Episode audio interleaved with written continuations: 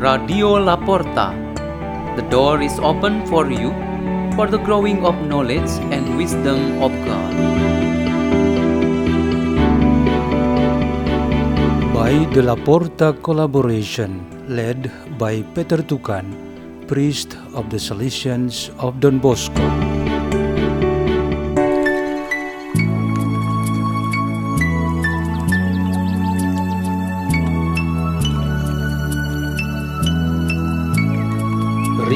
And meditation on the Word of God, the 18th Sunday in Ordinary Time, August 1, 2021.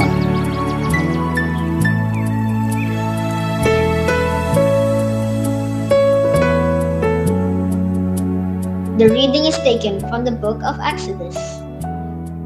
The whole Israelite community grumbled against Moses and Aaron. The Israelites said to them, Would that we had died at the Lord's hand in the land of Egypt, as we sat by our flesh pots and ate our fill of bread. But you had to lead us into this desert to make the whole community die of famine. Then the Lord said to Moses, I will now rain down bread from heaven for you. Each day the people are to go out and gather their daily portion. Thus will I test them to see whether they follow my instructions or not. I have heard the grumbling of the Israelites. Tell them, in the evening twilight you shall eat flesh, and in the morning you shall have your fill of bread, so that you may know that I, the Lord, am your God. And the evening quail came up and covered the camp. In the morning, a dew lay all about the camp, and when the dew evaporated, there on the surface of the desert were fine flakes like hoarfrost on the ground. On seeing it, the Israelites asked one another, What is this?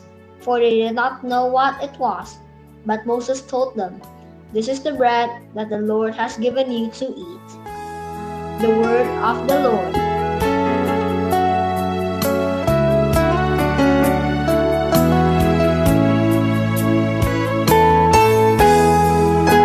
The reading is taken from the letter of St. Paul to the Ephesians.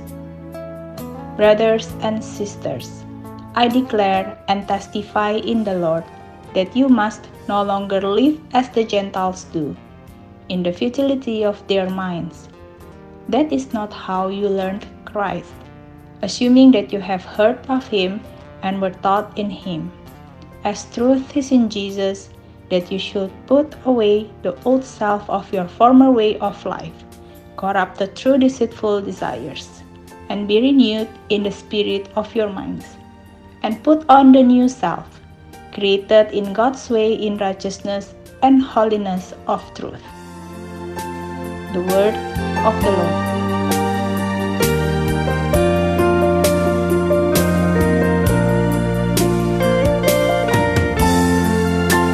The Gospel of Jesus Christ according to John chapter 6 verse 24 to 35.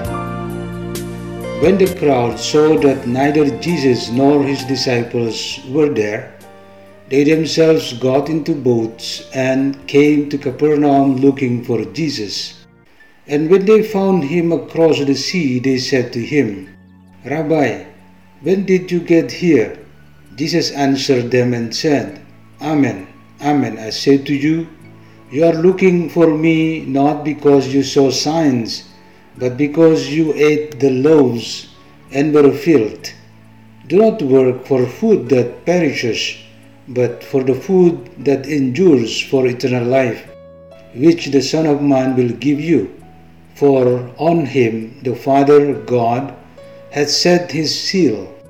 So they said to him, What can we do to accomplish the works of God?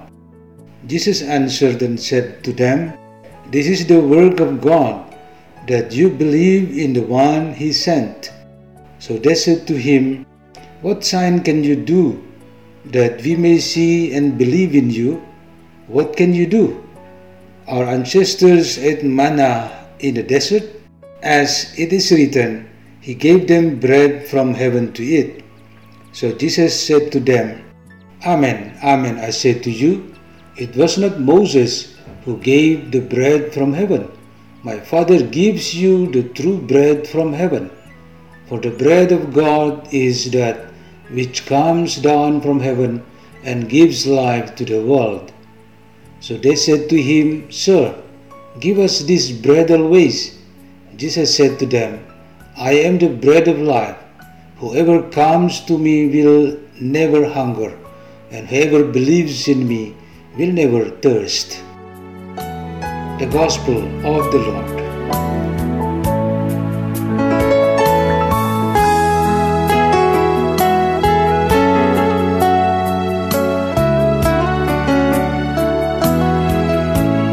Our meditation on this 18th Sunday in Ordinary Time has the theme A Renewed Person. Every event and activity of our faith signifies our relationship with God. An experience of faith prompts us to have another experience of the same type. At the end of that journey of faith, we hope to have life in eternal fellowship with God. Between its beginning and end, there should be a long process filled with renewal experiences, and we must be willing to be renewed. At one time, the pilot of a commercial flight from Bali to Jakarta was speaking. He said that the weather at that time was somehow not good.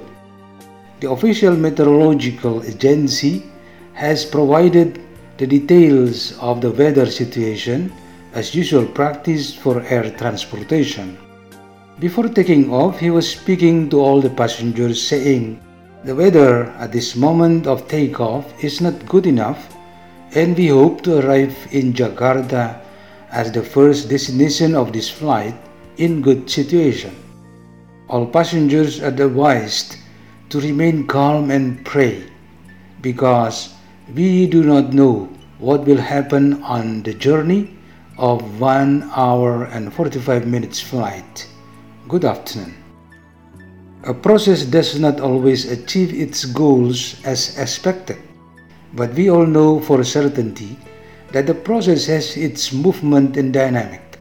Moses and the Israelites were in the process of obedience and loyalty to God. The food sent down from heaven determined the dynamic of the process of the growing faith. Thousands of people fed by Jesus were looking for certainty of their survival. They realized that bread and fish were the goal of their search, but it was not the point. Jesus said that the process was not only physical, but more important was their spiritual nourishment to be given priority. After being satisfied with food from God, the greatest hope of people should be to experience a renewal of life. The problem with the Israelites under Moses' leadership was that they were happy at a time, but then they came back complaining and cursing God. Thousands of people who were satisfied by the food of the multiplication of the five loaves and two fish did something negative regarding the renewal of life. They only wanted to find physical or worldly food and wanted to make Jesus king for their country. This experience of faith was really going to a negative direction.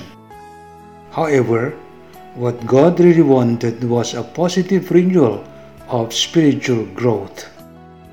Every time after receiving the Word of God incarnated in the Eucharist, we are expected to become the renewed men and women in the Lord Jesus Christ.